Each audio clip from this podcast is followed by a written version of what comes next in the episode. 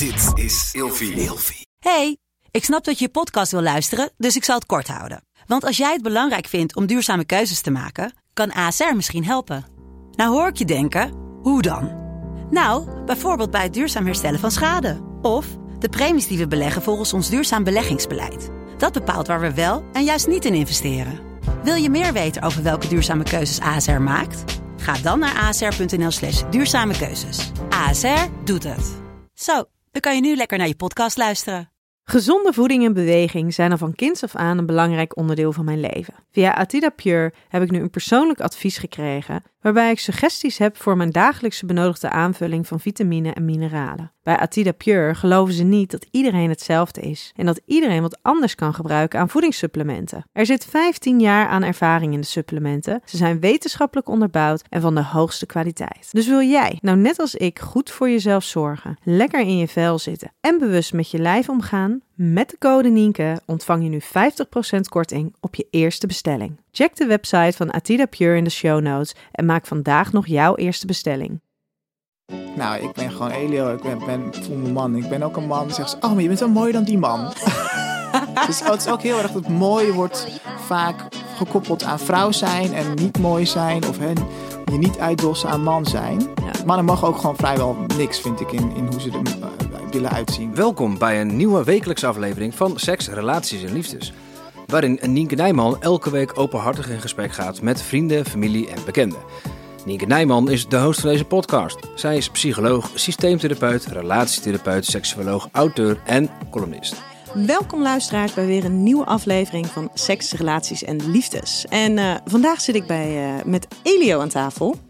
Wat zie je er prachtig uit. Dankjewel. Ja. Jij vindt het wel heel leuk om daar een feestje van te maken, hè? Ja, elke dag, ja. Ja, vind je het belangrijk? Ja, dat is toch een manier van me uiten. Ja. Ja. Is onderdeel van wie jij bent. Ja, zeker, ja. Ja. En ook van de boodschap die jij wil uitzenden. Dat helemaal, ja. Ja, ja. Hey, de reden waarom ik het uh, extra leuk vind uh, dat wij elkaar spreken, is omdat jij uh, ook in hetzelfde werkgebied zit. Ik vind het heel leuk dat je je daar ook echt professioneel gezien echt in gaat specialiseren. Ja, ook. omdat je dat natuurlijk vanuit jouw persoonlijke ervaringen al deed. En Ja. je was er al mee bezig. Um, en ik ben dus eigenlijk heel benieuwd, naast jouw ideeën over jouw eigen seksualiteit, hoe, uh, nou ja, hoe dat misschien wel is veranderd doordat je er nu op zo'n professionele manier ook mee bezig bent. Um, ik had jou vijf woorden gevraagd om te bedenken. Oh shit, en die ben ik zich gewoon vergeten. maar ik had wel zitten nadenken erover. Het was in ieder geval respect, Ja. um, liefdevol, open, kritisch. Dat is vier, toch? Mm -hmm. Nog eentje. Oh. Vrij. Ja, waar zit het uh, kritische in voor jou? Nou, ik denk dat je, wel, dat je wel kritisch op elkaar mag blijven of de juiste vraag mag blijven stellen. Maar dan moet je er wel open, respectvol en uh, liefdevol in zijn. Ja, maar waar, wat, wat voor kritische vragen kunnen dat dan zijn? Nou, ook aan jezelf denk ik, hè, van waarom doe ik nou uh, wat ik doe? Of uh, waarom heb ik dit gedaan? En uh, heeft het wel zin? En doet het me eigenlijk wel goed? Of mm -hmm. ben ik bezig met de leegte in plaats van met de, de, de, volle kanten van mezelf? Ja, en zit je nu in een relatie waarop je dat kan? Ja, ja ik zit in een relatie waarop ik ook heel erg kunnen bouwen juist. Ja, ja en vanuit je... veiligheid. En kan je, jouw man is het? Ja. Want jullie zijn getrouwd. Vorig jaar, ja. Ja, ja. ik zag hele mooie foto's voorbij komen. Ook daar hebben jullie een feestje van gemaakt. Zeker, dat was een heftig feestje. Maar echt, Ja? uh, ja. ja, de, nou, het was tijdens corona natuurlijk, maar we gingen tien jaar met elkaar. En we wilden echt trouw op die datum. Dus we zijn er twee keer getrouwd. De eerste keer in, in mei voor de gemeente. Toen was het echt net allemaal lockdown. En uh, dat gevierd in het park, allemaal op afstand. En toen daarna in augustus eigenlijk als weer mocht in België in het kasteel. En uh, daar moest het uiteindelijk weg, omdat de vergunning niet klopte Oh. van, de, van de locatie. Dus we mochten, kwam de politie checken, toen mochten we blijven. En twee uur later kwamen ze terug van, hey, de locatievergunning klopt dus niet. Dus dan is het een andere, andere samenstelling. En toen moesten we weg. Oh, Dus zijn we 24 uur, nou, hebben we alles ingepakt, een nieuwe locatie gevonden. En alle mensen die er waren, naar Amsterdam verplaatst. En zijn we getrouwd in de Westergast. Ja, chaos. chaos inderdaad, maar ook, ook ontzettend mooi. Want we hebben ontzettend de liefde gevierd met iedereen om ons heen. Iedereen was ook zo perplex van, oh my god, we hebben het met elkaar gedaan. En ja, love, love prevailed, laat maar zeggen, ja. Ja. En en als je dan kijkt naar de mensen die jullie, uh, jullie uitnodigen op de, uh, op de bruiloft, is dat dan ook een heel divers gezelschap? Ja, best wel, ja. ja. Allemaal wel mensen die natuurlijk open zijn en respect hebben voor diversiteit, Ja. maar wel een divers gezelschap, ja. Ja, want jouw specialisatie zit echt in de, in de genderdiversiteit. Ja, is zo gegroeid ook eigenlijk. Ja, ik begon ooit, denk ik, in 2013 met social media, met een blog en zo. Omdat ik gewoon dacht, hé, hey, ik kan niet mezelf zijn op de manier zoals ik dat wil. In, in mijn kledingkeuze, ik word nog gediscrimineerd. En dan moet er gewoon wat gebeuren. Er moet een cultuurverandering uh, teweeg brengen in Mhm. Nederland. En dan via blog en erover schrijven, wat ik zelf meemaak. En vanuit daar meer gaan specialiseren in hoe het eigenlijk allemaal zit natuurlijk. Om ook die, die uitleg te kunnen bieden aan, de, aan mensen die het lezen. En vandaar is ook gewoon de interesse gekomen, ja. Ja, want dat is, dat is jouw persoonlijk stukje verhaal dat jij er zelf tegenaan liep. Dat je, Klopt. nou ja, je wellicht anders ontwikkelde dan leeftijdsgenootjes. Ja, ja. Ook, ja, zeker. Ja. Hey, ik eh, ga daar heel graag straks eh, verder eh, op in met jou. Ehm, ik heb eerst ehm, eh, zo vijf stellingen voor jou, die ik heel graag aan jou voorleg. Dus ik ben heel benieuwd eh, hoe jij daarop gaat eh, antwoorden. Ik ook. Maar eh, niet voordat ik de luisteraar vraag om een recensie te schrijven, ons te volgen of je te abonneren. En mij te volgen op Instagram via het Nienke Nijman. En een van deze acties mag je al doen en daar ben ik heel erg blij. Maar mocht je er zin in hebben om het allemaal te willen doen, dan heel graag. Want zo kunnen namelijk nog meer mensen de podcast Seks, Relaties en Liefdes vinden. Want zo werkt dat een beetje in de podcastwereld. Go get it, girl. Nou hè? Oké, de eerste stelling. Ehm, de ware liefde bestaat. Ja. Ja? Vertel. Ik denk niet maar één ware liefde bestaat. Want straks woont hij ergens heel anders en dan eh, hij of zij. Of iets tussenin. En dan heb je pech. Dat voelt, vind ik altijd te, ik vind het te spannend om dat te zeggen. Maar ik denk dat er wel types bestaan die gewoon bij je matchen en passen. Ja, Ja, heb jij de ware liefde gevonden? ja, Ja? ja. En is dit wel de ene ware liefde voor jou dan toevallig? ja Die in de buurt was eigenlijk De, de eerste, eerste persoon die ik toen ik eigenlijk problemen thuis had en uit de kast kwam en hem contacte. Toen was ik 16. Toen hadden we een zomerliefde dat verwaterd. Zijn mijn ouders een beetje een stokje tussen gestoken. En na al die jaren allebei een relatie gehad. Toen dacht ik, ja, maar deze jongen was zo fijn. Ik kon gewoon zo fijn mezelf zijn. En toen, eh, drie jaar later, bij elkaar gekomen weer. En nu zijn we bijna elf jaar verder. Ja, Ja, wel bijzonder. het is my first love and hopefully my last. In Ja. de zin, ja, dat ik voor de rest van mijn leven bij wil blijven. En voelt het wel nog echt als jouw geliefde? Ja, ja, Werken jullie daar hard aan? ja. Ja. Ja, dat gaat denk ik ook als, als de economie hè, op en neer gaat dat af en toe, ja.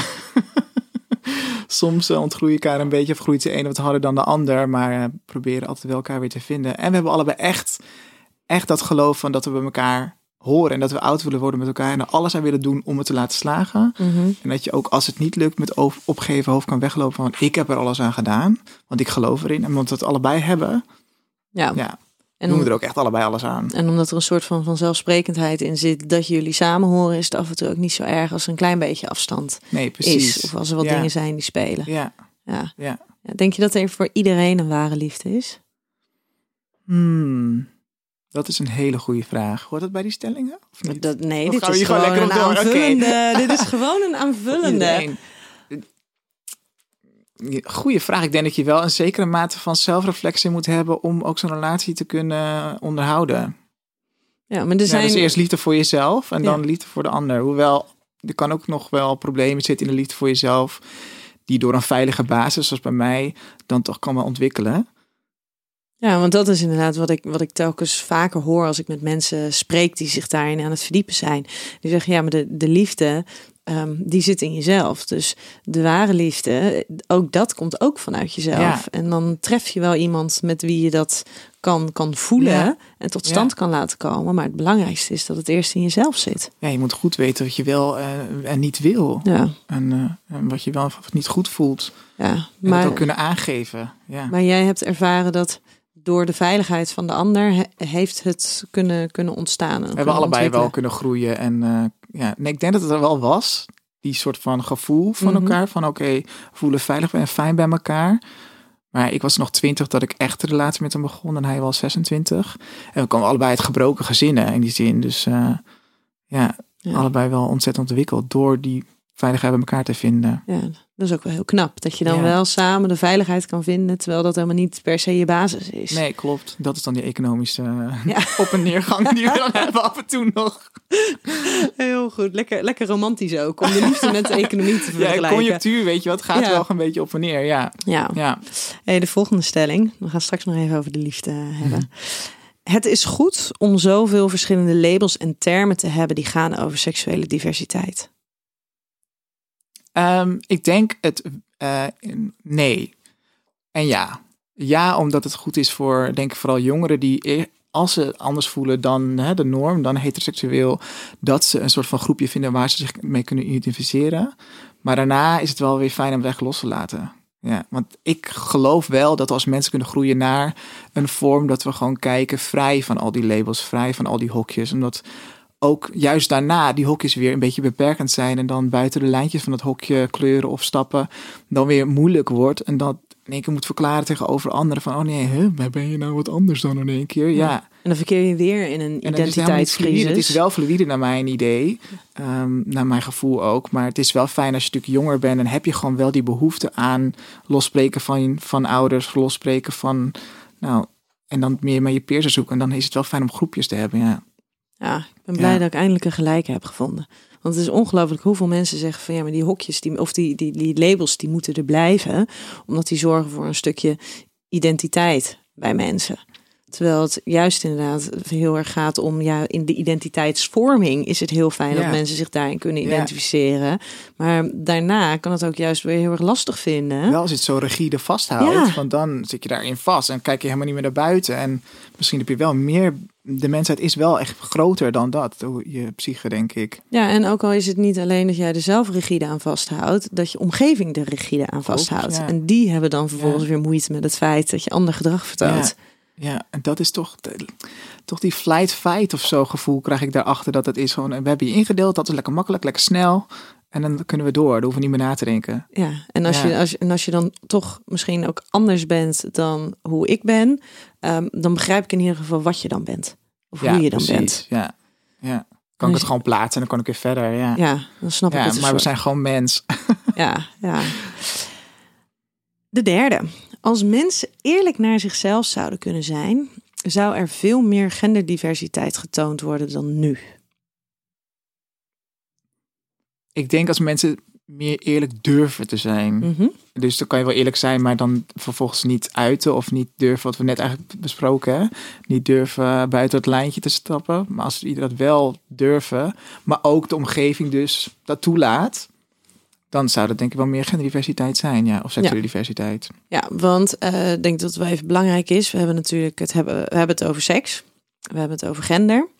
Kan jij vanuit jouw beleving omschrijven wat gender is? En wat daarin dus genderdiversiteit is? Nee, hebt gender bestaat eigenlijk uit vier constructies.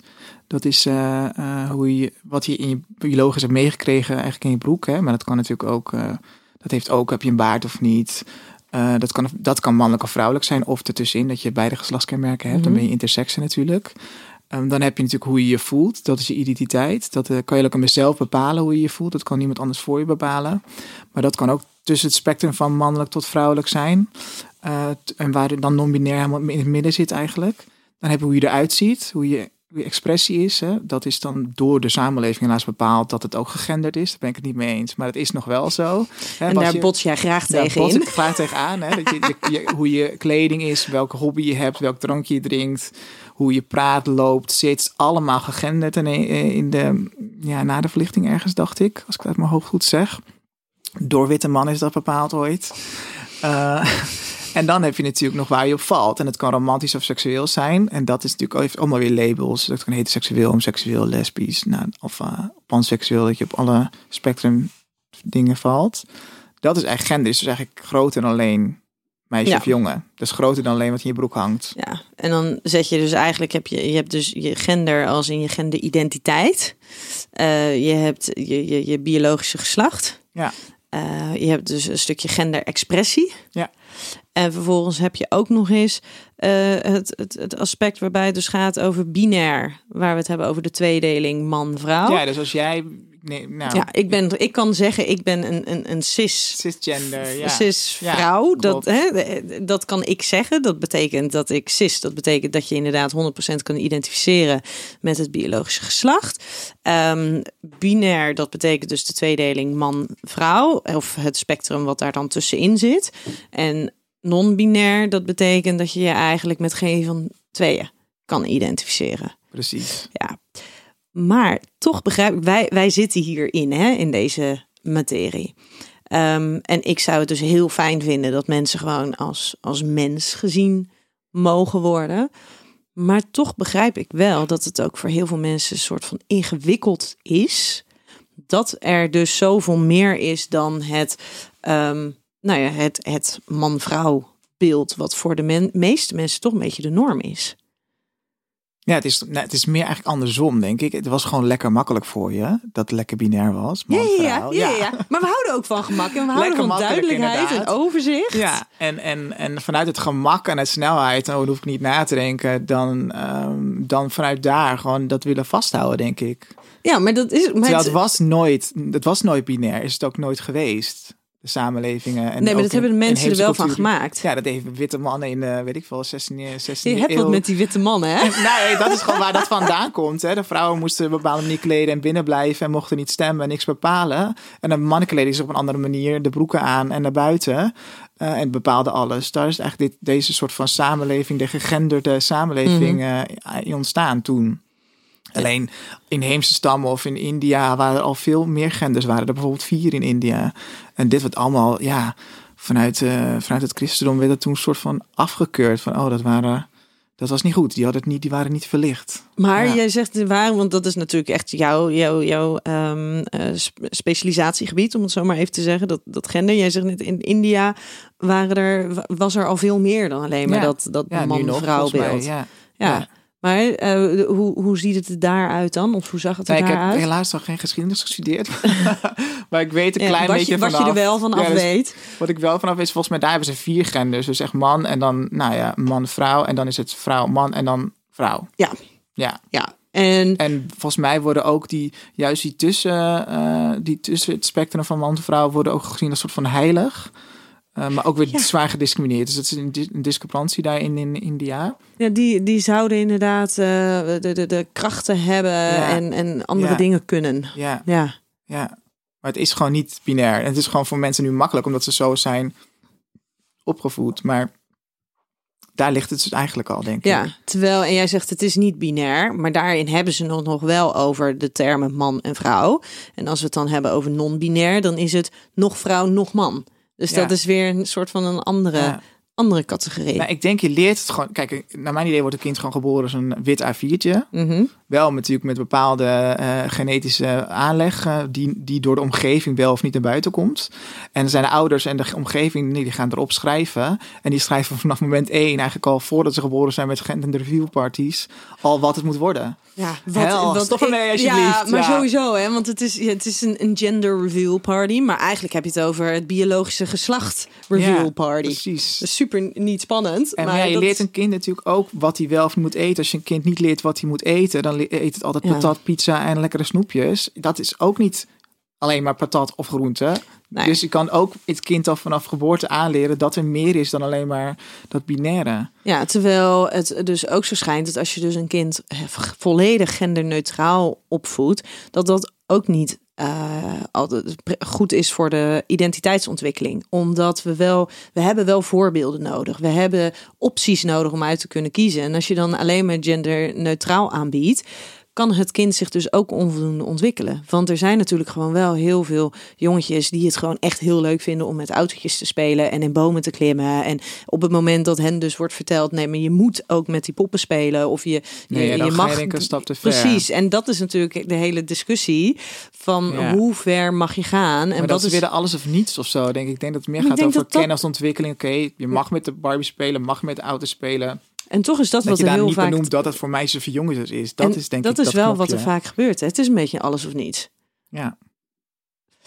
Ehm, en dan hebben we ook, als we het dan over gender hebben, tegenwoordig, vroeger hadden we het, eh, eerst hadden we het over de, de transseksuelen, toen hadden we het over eh meer transgender personen. Nee, nee, nee, nee, nee, nee, nee, ik ga hem ook zeker niet zeggen.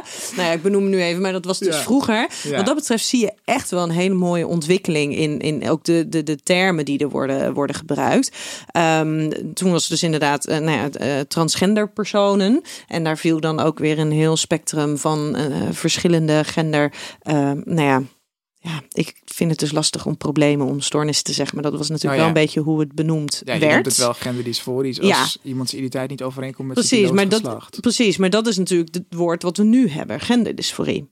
En dat beschrijft als je eh, je biologisch geslacht niet 100% overeenkomt met de manier waarop jij je identificeert wat betreft gender.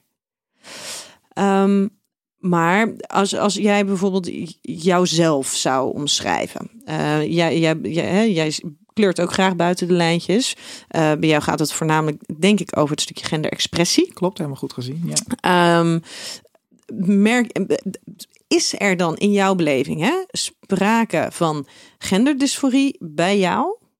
Denken mensen dat dat... Denken mensen wel, is niet zo. Want Mhm. ik, ben, ik heb een biologisch eh, mannelijk geslacht en voel me ook gewoon man. Alleen mijn genderexpressie is niet ook Typisch mannelijk. Nee, daar speel ik gewoon de hele tijd mee. En dat vind ik heerlijk. Dus ik ben niet eh genderdysforisch. In die zin ben ik eigenlijk ook nog cisgender. Ja, Ja, ja, En terwijl mensen baseren heel vaak dus de genderidentiteit op hoe je eruit ziet. En gaan er maar vanuit. Dus ik krijg wel vaak de vraag: ben je man, vrouw of transgender? Ook door mijn cliënten met een verstandelijke beperking. ja, maar die, dat snap ik helemaal. Daar is het voor hunzelf Dat is al zo. verwarrend. Ja, ja, maar dat is ook wel weer grappig antwoorden. Want dan zeg ik: Nou, ik ben gewoon Elio. Ik ben, voel me man. Ik ben ook een man. Ehm, en zeggen ze: Oh, maar je bent wel mooier dan die man. dus het is ook heel erg dat mooi wordt vaak gekoppeld aan vrouw zijn en niet mooi zijn. Of hè, je niet uitdossen aan man zijn. Ja. Mannen mogen ook gewoon vrijwel niks, vind ik, in, in hoe ze er eh, willen uitzien. ja. Ja. En, en eh, jij en jouw man mogen van alles. Ja, van onszelf. Ja, van ons, van jullie zelf. Maar hoe wordt daar dan op gereageerd door de wereld? Door de wereld, ja. Nou, in onze omgeving op zich prima. En eigenlijk op internet ook eigenlijk wel, ja. Oud Magazine heeft vorige keer of afgelopen jaar ons, eh, onze trouwfoto's gedeeld. Amerikaans blad is dat, Mhm. maar ook meerdere, meerdere landen zitten. ze. En dat was echt ontploft helemaal. Ja, dat is op zich wel.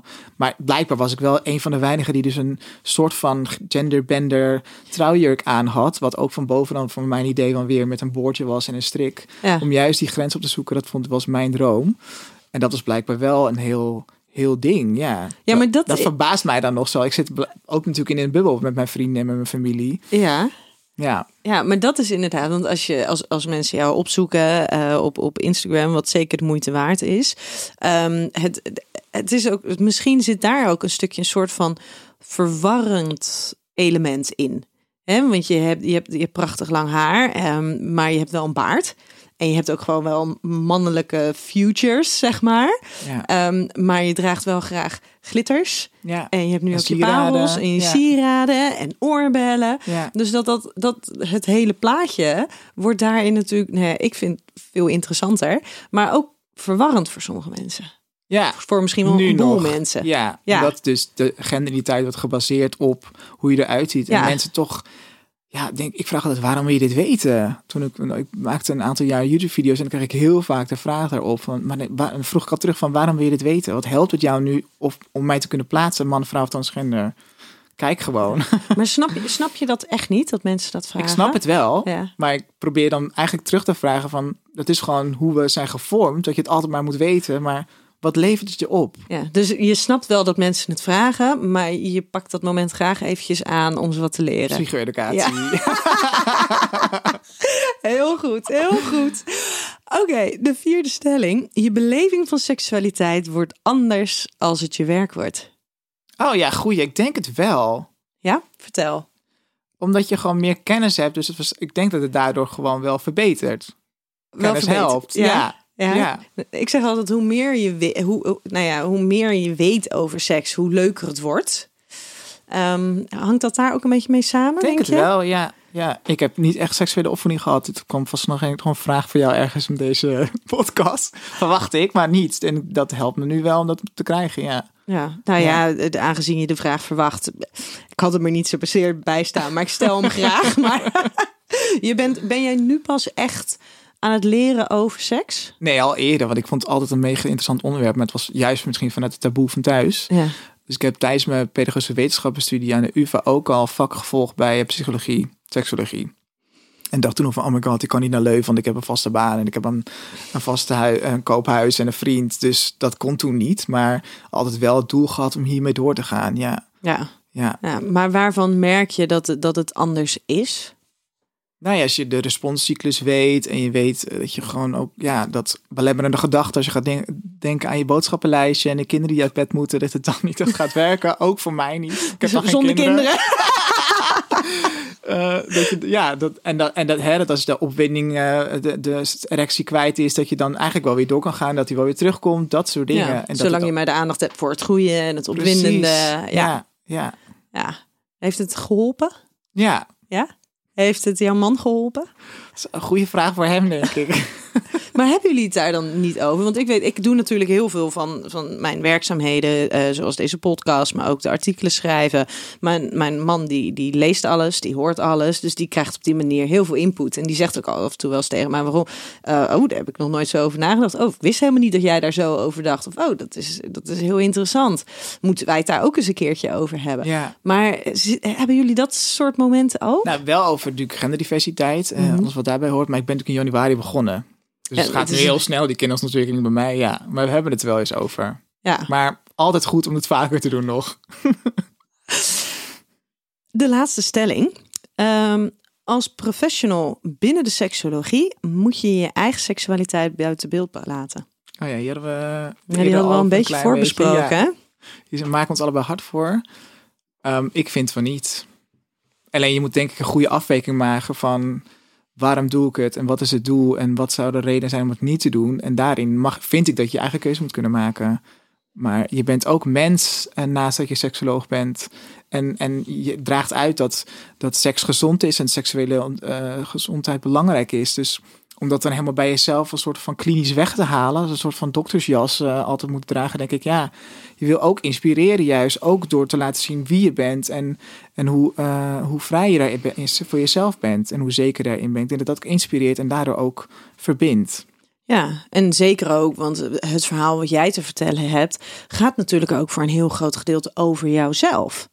Ja, En als jij dat dan, als jij jezelf dan uit dat plaatje moet halen, ja. wat blijft er dan over van de boodschap die je Ja, wil ik merk zenden? nu in mijn werk eh, als orthopedagoog en seksueel consulent in opleiding, nou geef ik al wel behandeling en ben ik eigenlijk op mijn, in mijn stichting eigenlijk een beetje de enige die dus zo divers kleedt. En daardoor een soort van rolmodel. En dat is dan ook lastig, want dan krijg je cliënten die dan denken, oh, ik moet ook Elia worden, want die hebben dan eigenlijk identiteitscrisis en vinden het lastig, die weten niet wie ze zijn, hoe ze dat mogen en of het wel mogen. En jij mag werkt dan met eh lichtverstandelijke beperkte? Ja, met, Nou, en ook zware verstandelijk beperkt. Eh, maar vooral lichtverstandelijk beperkt hebben altijd zo normaal mogelijk gevonden worden. Wat dus echt dan weer problemen oplevert als ze denken ik pas niet helemaal in het plaatje. En ik, oh Elio, nou die is helemaal zichzelf, dat word ik ook. Maar het is ook een rolmodel, want ze zien ook in één keer dat ze denken, oh er is meer dan alleen maar dat hele binaire plaatje. En oh, hè, dat voelt fijner. En hey, dat wil ik misschien ook wel, of ik wil in ieder geval gaan experimenteren. En daar ben ik, heb ik wel gesprekken over met cliënten, ja. Ja, Dus en, het, die rolmodel zijn is gewoon echt nog nodig ook. ja, maar zijn er, zijn er andere rolmodellen? Want als je gewoon kijkt binnen de, binnen de seksuologie. Ik zit natuurlijk al wat langer dan ook binnen de wereld zeg maar, van de NVVS. Dus de Nederlandse Wetenschappelijke Vereniging voor Seksuologie. Ehm, en als je kijkt naar de mensen die daar rondlopen, zonder af te doen aan hun kennis en kunde, is het wel een vrij, ehm, ehm, nou ja, het is een vrij wit beeld. Het is niet heel divers. Ik ken ze niet, maar ik zit er ook niet zo in als jij, denk ik. Nee, maar de- ik denk dat de, de, de opleiders die jij op jij, jouw opleiding hebben, die, die representeren eigenlijk wel het, denk ik, het grootste gedeelte van eh, de. Ja, de... zijn wit en cisgender. Ja, precies. En dat, dat is wel denk ik een heel groot gedeelte van, van dus de, de, de zorgprofessionals binnen de seksologie op dit moment. Ehm, maar denk je dat het, dat het nodig is dat daar dus een diverse beeld komt? Misschien ook wel om de complexiteit van dingen soms te begrijpen. Want ik kan wel voor een groep staan en ook voor cliënten staan en of zitten en het hebben over ehm, eh, het accepteren van je eigen identiteit en daarna op zoek gaan en uitleggen wat, wat, wat daar in de diversiteit aan mogelijkheden is. Maar ik heb eigenlijk gewoon heel makkelijk praten. Want ik vertel dat met heel veel liefde en empathie. En, en, maar ik ben natuurlijk gewoon een cis Ja, je hebt, vrouw. ja, je hebt ervaringsdeskundigen nodig ook. natuurlijk. Precies. Ja. En ook ervaringsdeskundigen die die gewoon hun leven leiden en dus Ja. een goede banen hebben of hè, iets bereikt hebben en, en kennis hebben. Ja. Maar ook die geschoold zijn, Ja. zoals wat jij dus nu aan het doen je hebt bent. in alle lagen van de samenleving die representatie nodig. Ja. En dat merk ik ook door mijn Instagram. Krijg ik gewoon contact met mannen die, mijn DM's eh slijden. en dan vragen van, hè, ik, hey, ik ben eigenlijk wel heteroseksueel, maar ik eh, wil graag jurken dragen. En mijn omgeving eh, heeft daar moeite mee. En die een soort van identiteitscrisis krijgen doordat hun eigen genderexpressie niet overeenkomt met hun, nou, wat de samenleving wil dat ze dragen. Ja. En daar heb ik dan best wel gesprekken over. Dus vanuit daar denk ik, ja, daar zou ik eigenlijk ook wel coaching kunnen geven. Ik mag nog geen behandeling noemen, want ik ben nog niet afgestudeerd. Maar ja, dat, Ja. dat, dat gebeurt wel. En dat is wel vanuit die rolmodel zijn. Dat ze representatie, dat ze iemand zien die gewoon gelukkig is. Ja. En het leven leidt zoals hij het zelf wil. En, eh, en toch daarin ook eigen keuzes maakt qua kleding. Ja, en, en ben jij bereid om een stukje van jouw eigen seksualiteit of jouw eigen persoon zijn? Want ik benoem nu seksualiteit, maar jij, we hebben, hè, in jouw geval zou het dus deels misschien ook wel je genderexpressie zijn. Ben jij bereid om daar een stukje op, nou ja, misschien op in te leveren? Of te zeggen, dat doe ik dan niet binnen mijn werk? Als je met mensen in gesprek gaat, zou dat een overweging zijn die jij. Nou, ik denk dan wat voor manier dan. En ik Nou ja, een van de krijg nu een soort van boze gevoelens. Ja, nee, maar dat mag, want dan ben ik ik ben natuurlijk best wel strijder. Dat ben ik ook dat te zeggen. Maar daarom ben ik ooit social media begonnen. Eh, en, ik, en ik merk nu in, in mijn nou, professionele werk dat het gewoon nodig is. Dat er dus iemand zoals ik is gewoon nodig. En die zijn er gewoon niet echt. Nee. Je hebt dan natuurlijk wel eh, eh, transgender personen die natuurlijk wel al wel hè, bepaalde voorbeelden hebben in de Nederlandse media. Gelukkig, echt super blij mee. Maar ook Maar- nog niet. Niet genoeg. Er zijn er dan enkele. En dan denk ik, ja, het moet gewoon. Er zijn- is meer nodig dan dat. Ja, maar Ja. echt die, die, die androgenen, die niet. Nee. Nee. nee, maar stel, een van de dingen is, ik wist natuurlijk al op hele, nou ja, natuurlijk, ik wist op hele jonge leeftijd al dat ik dit wilde gaan doen. Daarin ben ik vanaf jongs af aan dus ook al daarin geleerd. eh, je gaat niet in korte rokjes naar je werk. Je gaat niet in eh, strakke broek en strakke top. Weet je, kies dan een van de twee. Ehm, je gaat niet met diepe decolletés naar je werk toe, want dat kan allemaal een soort van aanstootgevend zijn. Ehm, dus de, ik ben me heel erg bewust als ik met cliënten aan het werk ben, ehm, wat voor kleding ik aan heb. En dat heeft dan natuurlijk wel meer te maken met seksuele opwinding dan met de genderexpressie. Nou ja, weet ik niet, want het is natuurlijk ook een stukje genderexpressie. Of ik, ehm, hoe ik mij uit als vrouw zijnde en of ik daar met rode lippenstift ga zitten en eh, een, een, een, een strak uitgeschreden truitje Mhm. en een hele strakke eh, jeans met pumps eronder. Of dat ik zeg, weet je, ik doe gewoon zo'n zo'n maxi jurk aan. Of Ja, ik zorg ja. inderdaad dat ik een, wel een, een blazer heb, maar die net even wat lekker wat wijder valt. Dat je dat, nou ja, dat, Het is lastig, want mijn antwoord zou nu zijn van ja, maar ik kleed me dan niet per se sexy. Maar dat kan natuurlijk voor bepaalde patiënten wel sexy zijn dat ik niet Ja, of aanstoot- kleed. of aanstootgevend. Ja, maar dan moet je niet bij mij in de praktijk komen. ja, hoef ik ook niet te bereiken, denk ik. Dan heb je gewoon niet educate yourself nog. Ja. Of dan wil ik je wel helpen in de educating. Maar ja, als het aanste- aanstootgever is, dan ligt dat bij die patiënt. En ik denk dat, nou, dan kan je wel behandeling gebruiken inderdaad. En misschien juist wel bij jou. ja, precies. Nee, maar is dat, is dat dan inderdaad wat jij, dat jij zegt? Van ja, maar eh, op het moment dat het dan eh, de manier waarop ik me kleed, want daarin zal jij tegen andere dingen aanlopen dan dat ik daar tegen aanloop. Dus daarin hebben we natuurlijk allebei onze eigen soort van nou ja, dingen die we zouden moeten aanpassen of niet. Ehm, maar zeg jij dan van nou, als, als, als, als jij het als, als cliënt, patiënt aanstootgevend vindt hoe ik erbij zit, ehm, dan hoef ik jou niet als cliënt te zien of ik ga voor traject met jou aan om te kijken of, of daar Ja. wat meer ruimte komt Ja, voor een denk, gesprek. Ik denk dat voor iedereen het dan al vanuit angst is of vanuit beperking, vanuit gewenning, maar dat het eigenlijk ook beperkend voor zichzelf of haarzelf is dan op dat moment als het zo aanstootgevend is. Daar zit natuurlijk dan iets in persoonlijk leiderschap of in daarin. Dan denk ik, ja, dan kunnen we inderdaad daar, als je er open voor staat, kunnen we daar zeker over gaan hebben. Wat maakt dan dat je dit zo voelt? Waarom Ja. is het voor jou aanstootgevend? Wat maakt dat? Wat beslis jij nu voor mij eigenlijk? Ja. ja, En wat doet het met jou? ja. En wat doe jij nu voor aannames over mij? En ik- daarin denk ik ook dat, dat het nu vrij snel gaat en dat niet iedereen meer kan bijbenen. Die, die genderkoek bijvoorbeeld, die met die vier constructen. Mhm. ehm, niet iedereen, elke seksoloog weet dat. Nee, heel Nee. veel niet. Nou, en nu Nee. krijgen wij hem gelukkig. Wij hebben hem al, eh, denk ik, een jaar of zes geleden hebben wij hem gelukkig al eh, voorbij zien komen. Ik heb hem toevallig, we hebben hem met alle collega's op de praktijk ook echt geplastificeerd Ja. in de ruimtes liggen. Eh, maar ik weet dat ik kreeg van mijn broer, kreeg ik vorig jaar, die dacht dat hij echt een, een, een geweldig moment had waarin hij op een congres de genderkoek zag. En voor degene die dat interessant vinden, moet je maar even opzoeken genderkoek. En dan kan je, zie je letterlijk een gingerbread man waarin eh, de alle... Person. Dus Ja, de, man oh, ja, de gingerbread eerst person. man Oh, inderdaad, ja. maar hij is alweer een person. Ja, Ja, een person, de gender person. Ehm, maar eh, eh, daar zie je inderdaad die verschillende constructen van gender en wat maakt nou een persoon. Ehm, en dat is eigenlijk wel heel interessant. Maar mijn broer die is dus arts, eh, woont, in, eh, woont, in, woont en werkt in Londen. En die had hem daar ergens op een congres vorig jaar voorbij zien komen. En die stuurde hem naar mij met het idee van, nou, dit is echt, dit is nieuw. groundbreaking. En dit moet je zien, dit moet je Ja. kennen. Ik dacht, Ja. nou ja, we kennen hem gelukkig al, of tenminste, ik ken hem al een paar jaar. Maar dus ook, zeg maar, nou ja, die mensen die dus wel elke dag met mensen te maken hebben, ehm, dat die daar dus niet van op de hoogte zijn. Nee, en je kunt het gesprek dus ook in die zin niet goed leiden of monitoren. Nee. Want het gaat vaak dat, dat genderiteit wordt gebaseerd op hoe je eruit ziet, die genderexpressie.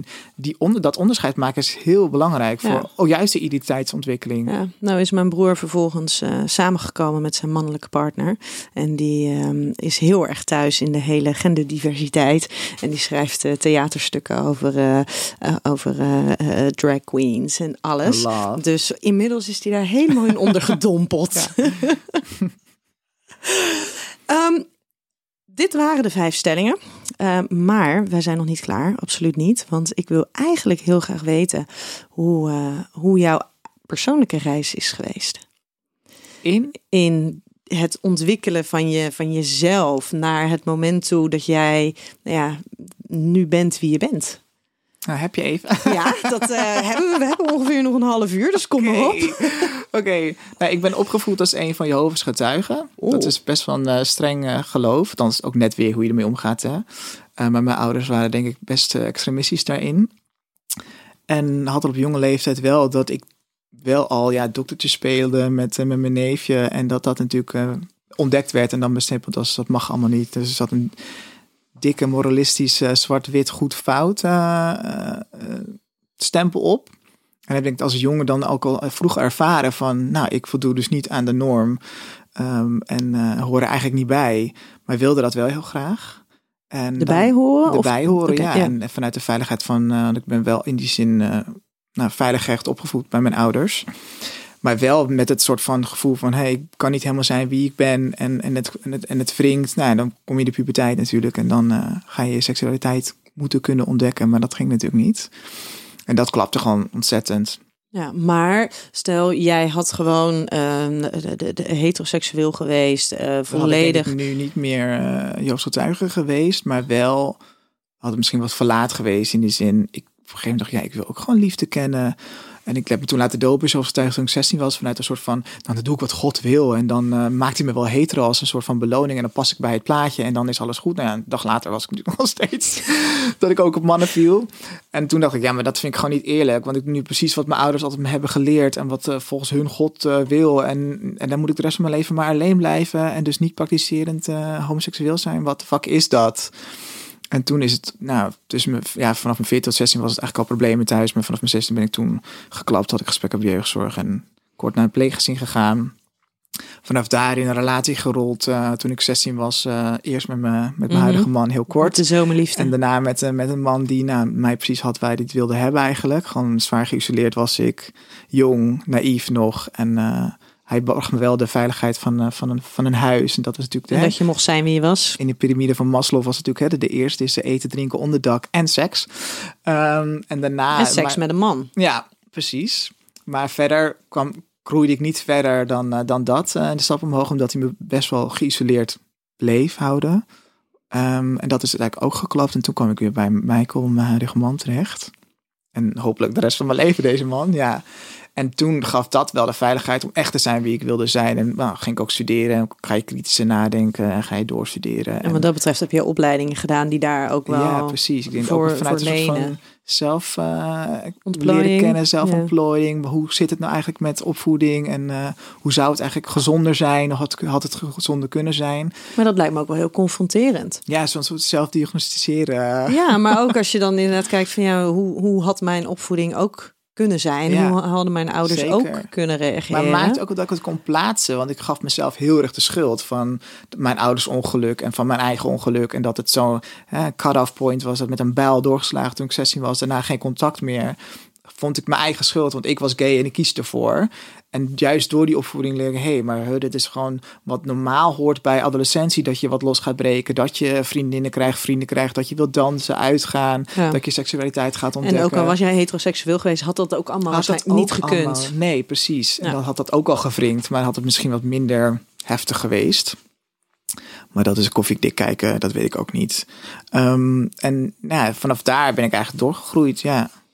En mezelf gaan ontplooien steeds verder. En uiteindelijk heb ik mijn ouders geconfronteerd in 2012. Toen was ik 22 met een brief, een hele lange brief van nou, hoe zit het volgens mij zoals een opvoeding hoort te zijn? En wat is eigenlijk allemaal gebeurd daarna en daarvoor? En hoe zit het nu in elkaar? En zij waren nog steeds onderdeel van, eh zaten ze nog steeds bij de Jehovah getuigen? Ja, zitten ze nog steeds. Ja, ze zijn inmiddels naar eh, Italië verhuisd ook, toen ik 19 was. En daarin zeg ik ook van ieder kind heeft gewoon een onvoorwaardelijke liefde van, een, van de ouders nodig. En toen hebben ze de brief teruggestuurd met, nou, ieder kind heeft liefde van de ouders nodig, maar ze vinden liefde dus niet onvoorwaardelijk. En toen, daarna was voor mij zo ook een soort van, oké, dan klopt gewoon onze kijk op liefde niet. Nee. Ehm, en, en toen in één keer ging bij mij de confettibox open. En ging ik in het nachtleven werken. Mijn vriend was als chauffeur in het nachtleven, tourmanager. En ik ging dansen en hakken en helemaal, helemaal mezelf daarin ontplooien. En eh, ja, daar ook testen. Dat is fijn in het nachtleven, dat je gewoon kan testen.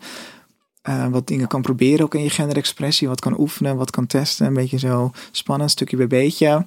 En ja, daar, daardoor ben ik steeds meer mezelf geworden. Dus met de basis van studeren en kritisch nadenken, maar ook met de vrijheid van het nachtleven en jezelf kunnen ontplooien daarin. Ja, was, die, was de, het antwoord van jouw ouders op jouw brief, was dat een soort van bevestiging van, eh, voor jou? Van ja, weet je, dit is gewoon, dus het, het is niet zozeer onwil vanuit je ouders, misschien ook een soort van onmacht, niet anders kunnen. Denk het, ja, Dan zo dit. rigide dat vasthouden, dat geloof en, en die manier van denken. En ja, zwaar geloven dat, dat mij negeren of mij buiten de groep zetten, dan zorgt dat ik ooit terugkom als eh Lots verloren zoon. En dat, Ja. Daar geloven ze sterk in, ja. Ja, en sindsdien geen contact meer geweest met andere mensen vanuit de gemeenschap? Opa en oma niet. Allemaal niet, nee. En mijn vader heeft dan wel een zus die toen zij 19 was er ook uitgestapt is. Die kende ik nooit, want we hadden daar geen contact mee. Die heb ik wel een twee jaar later ontmoet. Die woonde natuurlijk allemaal in Amsterdam. Zij was ook getrouwd. Ze hadden aangetrouwde kinderen en zelf kinderen. En daar, nou, in die familie ben ik opgenomen. En in de familie van mijn vriend, een man. Sorry, steeds af en toe, na een jaar. En eh, ja, dus ik heb wel familie om me heen. En dat geeft ook wel heel veel veiligheid en fijnheid hoor. Ja, Maar ook lang zonder gedaan, ja. ja. En zelf een familie beginnen, wil je dat? Ja, zeker. Ja. Ja. nou toevallig. Ik zei altijd nee, ik ben altijd druk met mezelf. Maar afgelopen jaar eh, veel gedaan op het gebied van persoonlijk leiderschap gesprekken. Die me gewoon heel erg hebben leren, leren geleerd hebben waar ik eigenlijk eh, als kind al angst op heb gehad. En waarom ik nu af en toe nog dingen doe zoals ik ze doe. Hè, bang om mensen te verliezen, bang om je fout te doen. Dat hele zwart-wit denken zit er ook nogal dieper dan ik dacht. Ehm, dus eh, rationeel zit het vaak wel. Dat ik denk, hey, ik snap het, maar dat het gevoel eronder, Gevoelsmatig, ja. ja. Ehm, dat ik snel in de stress raak als ik al iets fout heb gedaan. Maar nu in één keer staat er daardoor mezelf beter leren kennen ruimte. Dat ik denk, hé, hey, nou, ik wil wel, we willen wel, ja. ja. Ja, En ook al gedacht over hoe jullie dat willen gaan doen? ja daar verschillen we nog enigszins in. Ehm, hij wil het liefst wel echt het, het, het, perfecte plaatje in de zin van gewoon draagmoederschap. En eh, wij zijn volledig eh, eh, gewoon juridisch verantwoordelijk en gezaghebbend. En ik denk, ja, de kans is groter als we dat toch gaan delen met een ander stel. Of met een lesbisch stel. Of met een heteroseksuele vrouw die geen, geen relatie heeft. Eh, adopteren, nou, dat zit natuurlijk helemaal nu... eh, nu ligt alles even. Ja. stil. Ja. En dan heb je natuurlijk ook wel dat het kind mogelijk al heel veel dingen heeft meegemaakt waar je niet bij was. Eh, dus al een soort van achterstand heeft opgelopen. Waar ik natuurlijk als orthopedagoog wel wat mee kan. Maar ik weet niet of ik daar zin in heb Dan, thuis. het wel- dan weet je van tevoren al dat een zorgkindje ik kan wil liever worden. dat witte papiertje waar ik zelf op kan schrijven, krassen en dingen verkeerd doen. Ja. Of plaats van dat er al twee zinnen zijn Ja. geschreven die misschien heel of, een- of een bedik donker, donker papiertje. Maar in ieder geval niet beschreven Nee, papiertje. precies, ja. Dat inderdaad. En eh, ja, dat, maar dat is ja, meerjarenplan natuurlijk voor een Kees-stijl helaas wel. Ja. Ja, we hebben geen baarmoeder. Hey, en als je dan naar, je, naar jezelf kijkt, hè, want jij bent wel opgevoed binnen ehm, de, de, de Jehovah-gemeenschap. Ehm, ook al voelde jij, hey, ik kan niet mezelf zijn, dus er is een, een stuk van mij wat, wat kennelijk hier, nou ja, waar geen ruimte voor is. Toch ben je opgevoed met bepaalde overtuigingen Ja, met bepaalde boodschappen. En ik, ehm, ik kan me heel goed voorstellen dat, dat dat er dus nog wel in zit. Want dat is natuurlijk wel je blauwdruk. ja. Wat heeft dat voor rol gespeeld in het ontwikkelen van jouw eigen seksualiteit en ehm, je- nou ja, je identiteit? Goede vraag. Daar ben ik druk mee bezig om dat eigenlijk te onderzoeken. Om daar mijn licht op te schijnen. Elke keer het riviertje af te lopen van... hé, hey, waarom, wat zit er nou van vroeger waarschijnlijk achter voor je zevende levensjaar? Maar wel dat hele zwart-wit denken dat, dat het eigenlijk verkeerd is... en dat, dat alles stiekem moest. Eh, zo heb ik ook, ja, ging ik, woonde ik nog een tijdje thuis toen het eigenlijk al geklapt was... en dan ging ik eigenlijk stiekem met mannen afspreken... Ehm, om dan ook maar een soort van ontdekken van kunnen die mij veiligheid bieden in onderdak en, eh, en dat soort dingen. En dan viel ik ook wel in de, in, in de put, laat me zeggen, dat ze natuurlijk wat anders van me wilden. En ik dan ook geen nee kon zeggen. En dan ook dacht, oh ja, doe maar. Maar dan later toch weer spijt van had, omdat je nou eigenlijk hè, vanuit het vat van zelfwaardering aandacht geeft aan, het, aan de leegte, aan de, Mhm. aan de donkere gedachten en niet aan de, aan de positieve dingen. Aan de volle kant van je vat. Ook een mooi, hè? Het vat Ja. van zelfwaardering. Ja, om vanuit mooi. daar dat soort dingen te begrijpen. Ja, zeker. En dat, dat zie ik dan nu pas. Denk, ik, oh ja, ik heb al die jaren voor, voor mijn eerste relatie en voor, voor mijn huidige man ook eh, ehm, daar eigenlijk op een verkeerde manier mezelf gevormd. Om dan vanuit die leegte en het gemis en het geen ouders hebben, geen veiligheid hebben, dan dat daarin te zoeken. Ja, Maar door mensen te binden via seks. Terwijl Ja. dat werkte niet. En daarin kan dus je het wel. ook niet vinden. Dus, want als als je het dan hebt, niet- precies, en als je die liefde en die veiligheid in jezelf niet hebt zitten, Nee. kan je hem ook niet vinden bij anderen. niet terugkrijgen. Nee. Want dan, dan trek je de verkeerde mensen aan. Ja, Ja. Ja, maar En ik kon er niet over praten thuis. En ook niet met vriendinnen of vrienden. En dat, of op school, want er was ook natuurlijk biologie. Het is ook echt achterhaald hoe het daar wordt vormgegeven natuurlijk. Eh, De slechte seksuele ontwikkeling. Daarom geef ik nu natuurlijk ook nu les op scholen vanuit een Mhm. eh, stichting over genderdiversiteit en seksdiversiteit. Maar dat is veel te weinig nog. ja, Ja, dus juist als het thuis niet gebeurt, is het zoveel belang dat het op scholen wel gebeurt. ja. Maar het, het verklaart natuurlijk wel waarom jij zo'n strijder bent. Omdat je zo hard hebt moeten vechten voor jezelf. Om En dat jezelf hebben mijn te ouders toch zijn. weer ergens ge- gecreëerd. nou, dank u wel. Nee, maar dat is natuurlijk wel zo. Ze hebben Ja. wel mij ergens heb ik wel eh, kracht en strijderschap eh, in, mijn, in mijn jeugd meegekregen. Waardoor ik op mijn 16e dag van nou, doeg. Ja. Sorry, ik ga jullie verliezen wat ik helemaal niet wil. Maar ik kies toch voor mezelf. Heb, je, Ja. heb jij daar echt bewust voor gekozen of hebben zij dat? Nee, ik heb Nee. echt wel, de, nou ja, toen voor, in die, dit is eigenlijk geen keuze die als ouders denk ik je kind mag stellen. Ehm, Zeker niet. Maar ik heb toen wel gevraagd van, hey, wat nou als ik toch ooit eh, niet meer gedoopt wil zijn en uitgesloten wil worden. Toen zei mijn vader, dan wil ik je nooit meer zien. Dus ik wist wel waar ik voor, voor Dat ging. zouden de consequenties echt wel Maar zijn. ik voelde ook dat ik dit niet jaren ging volhouden nog. Dat verlogenen van mezelf en niet mezelf kunnen zijn. Nee, Ja, nee. Het is wel heel triest dat het zo ja. moet gaan. Dan is het heel fijn dat jij nu de liefde hebt gevonden en jezelf mag uiten zoals dat je kan. ja. Ehm, maar het is wel heel verdrietig dat dat Zeker. zoveel dat moet blijft kosten. ook verdrietig. Ja. Dat, is, dat gaat nooit weg. Nee, Nee, de impact slijt een beetje. De heftigheid van het verdriet. Maar dat blijft altijd verdrietig. nee. En, en maakt dat ook dat jij ehm, des te grager ehm, aan, aan anderen, bijvoorbeeld door social media of, of door de klasse waar jij voor staat, ehm, wel dat stukje acceptatie wil, wil geven en eh, erkenning aan, aan mensen die hier ook tegenaan lopen. Ja, laatst in persoonlijk, laatste sessie met persoonlijk leiderschap zei ze ook van ja, weet je eigenlijk waarom jij in, met verstandelijk beperkte mensen werkt? Ja, dat is sowieso gelopen vanuit opleiding, la la la. Ze zei nee, want jij geeft daar liefde en je ziet mensen echt die, die je eigenlijk jezelf nog niet geeft. Ja, en zij kunnen jou ook een vorm van liefde en waardering Ja, geven daarom die jij kan wat ontvangen. werkt. En kan ik het voor mezelf weer inzetten? Ja, Ja, ja. ja. maar is dit ook de doelgroep met wie jij wil blijven werken? Niet per se, denk ik. Ik vind het echt een hele leuke, lieve doelgroep. Mhm. Ik vind ze echt fantastisch. Zo lekker, lekker direct ook. Ehm, maar ik wil daarnaast ook wel echt, echt mannen, of vrouwen eh, en alles tussenin helpen die dus strukkelen met hun genderidentiteit. Of genderexpressie. En met de omgeving die dat dan niet accepteert en daardoor niet zichzelf kunnen zijn. Dat Ja. is wel altijd mijn doel. Ja. Ja, Dus ooit mijn eigen praktijk gericht op genderdiversiteit. Of dat doen in het ziekenhuis daar of iets. Ja, is wel mijn doel Ja. daarnaast. En zou, zou je bijvoorbeeld ook op de, op de eh, genderpolie willen werken? Of Nou, dat wilde ik altijd stage lopen. Heb ik echt ook anderhalf jaar vertraging door opgelopen. Omdat ik me vier keer heb aangemeld. Om de drie maanden mocht je aanmelden. Helemaal niet En herkenbaar. ik kreeg gewoon niet die, die plek. Ik denk dat ze dachten dat ik de doelgroep was of zo. Ik heb geen idee. Misschien ook weer vanuit dat je moet een grijze stoffige muis zijn om te kunnen helpen. Eh, en dat ze misschien dachten, oh, misschien is hij te veel rolmodel. Of is hij eh, te, dat Of val ik, nog te veel aan voor- het zoeken. Weet ik niet. Ik vul het nu allemaal in, want ik heb nooit daar nog een antwoord op gekregen. Waarom dan niet? Kreeg ik echt niet. Eh, maar dat was wel mijn doel ja, tijdens de stage. En toen ben ik, nou, kwam ik een seksoloog, psycholoog tegen. Die zei, je moet je ook niet meteen specialiseren. Je moet breder eh eh, stage zoeken. En toen ben ik bij Cordaga stage lopen. Daar al meteen wel aangesloten bij beleidsschrijven over seksualiteit binnen de stichting. En zo ja, in die verstandelijk beperkte, beperkte doelgroep terechtgekomen. Ja, nou Ja. moet je natuurlijk nog meer opleidingen of stages volgen bij je huidige opleiding. Of doe je die allemaal binnen je huidige Nee, werkplek? doe allemaal bij mijn eigen werkplek. dat is Heel ook wel fijn. Ja, dat is ook ja. wel fijn. Ja, zeker. En we doen eigenlijk al heel veel. Ik wer- doe het jaar dan werk op met beleid ook wel. En ook al coaching, maar ook al, of counseling moet ik het noemen. En ook al gewoon groepen, groepen training geven. Dus dat we zijn in, merk, ik doe het met een collegaatje. hè. Het is ook samen de opleiding, dus dat is fijn. Heel we leuk. merken dat we best wel ver zijn al. Maar dan kunnen we juist wel de vinkjes op de i zetten. Ja, ja nou mocht je Ja. nog een keertje wel bij een genderteam eh, willen zitten, moet je het maar even zeggen. Dan kan ik kijken wat ik voor je kan eh Dat lijkt me echt betekenen. wel heel erg leuk. Ja. Ja. Hey, ehm, wat is het grootste oordeel dat mensen over jou hebben? Goeie, dat denk ik. Nou, laten we nu op straat even een interview gaan doen. Nou, bijna wel, hè?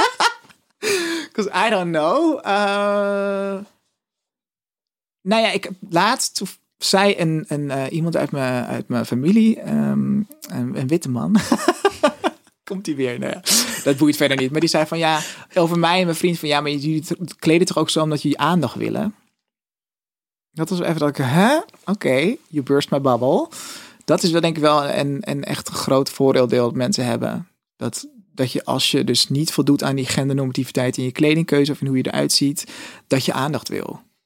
Ja. En ik wil wel aandacht, maar ik wil aandacht vragen voor.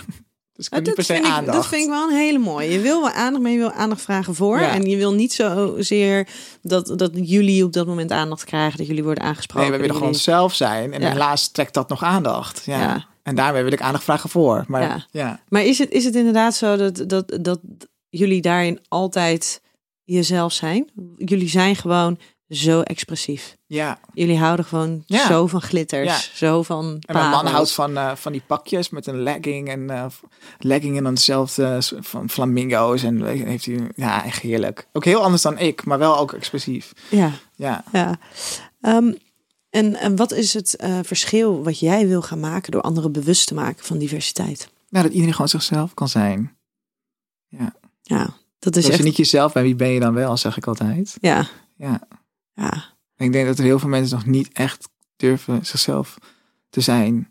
En dan is natuurlijk kledingkeuze een onderdeel daarvan. Maar dat, dat zijpelt natuurlijk door naar andere gebieden ook. ja, dat mensen zich te veel conformeren aan wat de norm zou zijn. Ja, om maar gesprekken te voorkomen, om maar scheve blikken te voorkomen. Ja, ook als je misschien andere keuzes maakt dan standaard trouwe kinderen. Dat, dat hoor ik dan in mijn omgeving ook wel Mhm. eens. Daar dan natuurlijk dingen over gezegd worden. Of dat je een relatie moet hebben. Of Terwijl Ja. jij, jij hebt een relatie, je bent getrouwd, je hebt een doe ik wel een kinderwens. sprookje mee. Maar, Op eh, zich ja. is dat redelijk... Maar dat is vanuit eigen keuze. En niet per se Ja. vanuit wat ik vind dat, dat het moet. Omdat anders krijg ik scheve gezichten. In die zin is het ook dat ik geen contact met mijn ouders heb. Want ik krijg al die opgelegde dingen niet vanuit mijn ouders meegekregen nu. Dat was gewoon... Die hoor ik niet meer. Nee, ook niet ergens intern. Ja, ik wist dat je dit vraag stellen. wel steeds minder, denk ik. Ja. Ja. Ja, nou, maar ik, heb, ik heb onlangs ook met iemand een gesprek gevoerd en die heeft tot haar 31ste bij die hoofdgetuige gezeten. Ehm, en, en die merkte dus dat zij op een heleboel vlakken heel erg ontwikkeld was en heel erg gegroeid was, maar zeker met het stukje seksualiteit gewoon nog steeds hoorde, elke keer als ze seksueel actief was, dit mag niet, Ja. dit kan niet. Ja. Die fantasie die je nu hebt, dat is niet oké. Ja. Een beetje in het verdomhoekje duwen, hè? Ja, dat gebeurt natuurlijk. Ja. Ook binnen de gemeenschap. Zeker, zeker. Ehm, En dan heb ik nog een laatste vraag voor jou. Want wat voor boodschap zou jij willen meegeven aan ehm, de luisteraar? Nee, ik zeg altijd, if you're not yourself, then who are you? Dus als je Mhm. niet jezelf meer bent, je dan vraag je dat je altijd af. Uh, voor, wie, uh, voor wie doe je het? En probeer gewoon echt te kijken naar, naar mens als mens. Ja, en iedereen. En niet vanuit angst dat. Ik denk dat het ook te maken heeft met natuurlijk een stukje zekerheid. Dat als je zeker in je eigen schoenen staat en wil wat je doet wat je wil, dan heb je ook niet zoveel probleem als iemand anders iets anders doet. Nee. Als iemand je dan ook ehm, wel een opmerking naar jou maakt, dan kan je hem aan. Dan kan je hem incasseren. Ja, en denk gewoon kritisch na van, hè, waarom denk ik het nou? Waarom vind ik dit nou? Zegt dat iets over mij of over de ander? Vaak over jezelf. Ja. ja. Hey, dankjewel, Helio. Heel bedankt. We gaan hem eh, afronden voor vandaag. Ehm, en dankjewel dat je jouw verhaal wilde delen en jouw ideeën. En ik hoop dat we elkaar nog eens eh, tegenkomen in het Zeker, werkveld. We moeten ook. gewoon een bondje gaan vormen. Let's go. Eh, want er is nog een heleboel werk te doen. Ja, en dat ja, is ja. natuurlijk niet alleen als het gaat over seksuele diversiteit en genderdiversiteit. En lieve luisteraar, dank voor het luisteren. En vergeet niet jezelf te abonneren op de podcast te volgen. Zodat je als eerste op de hoogte bent van de volgende aflevering. Tot volgende week.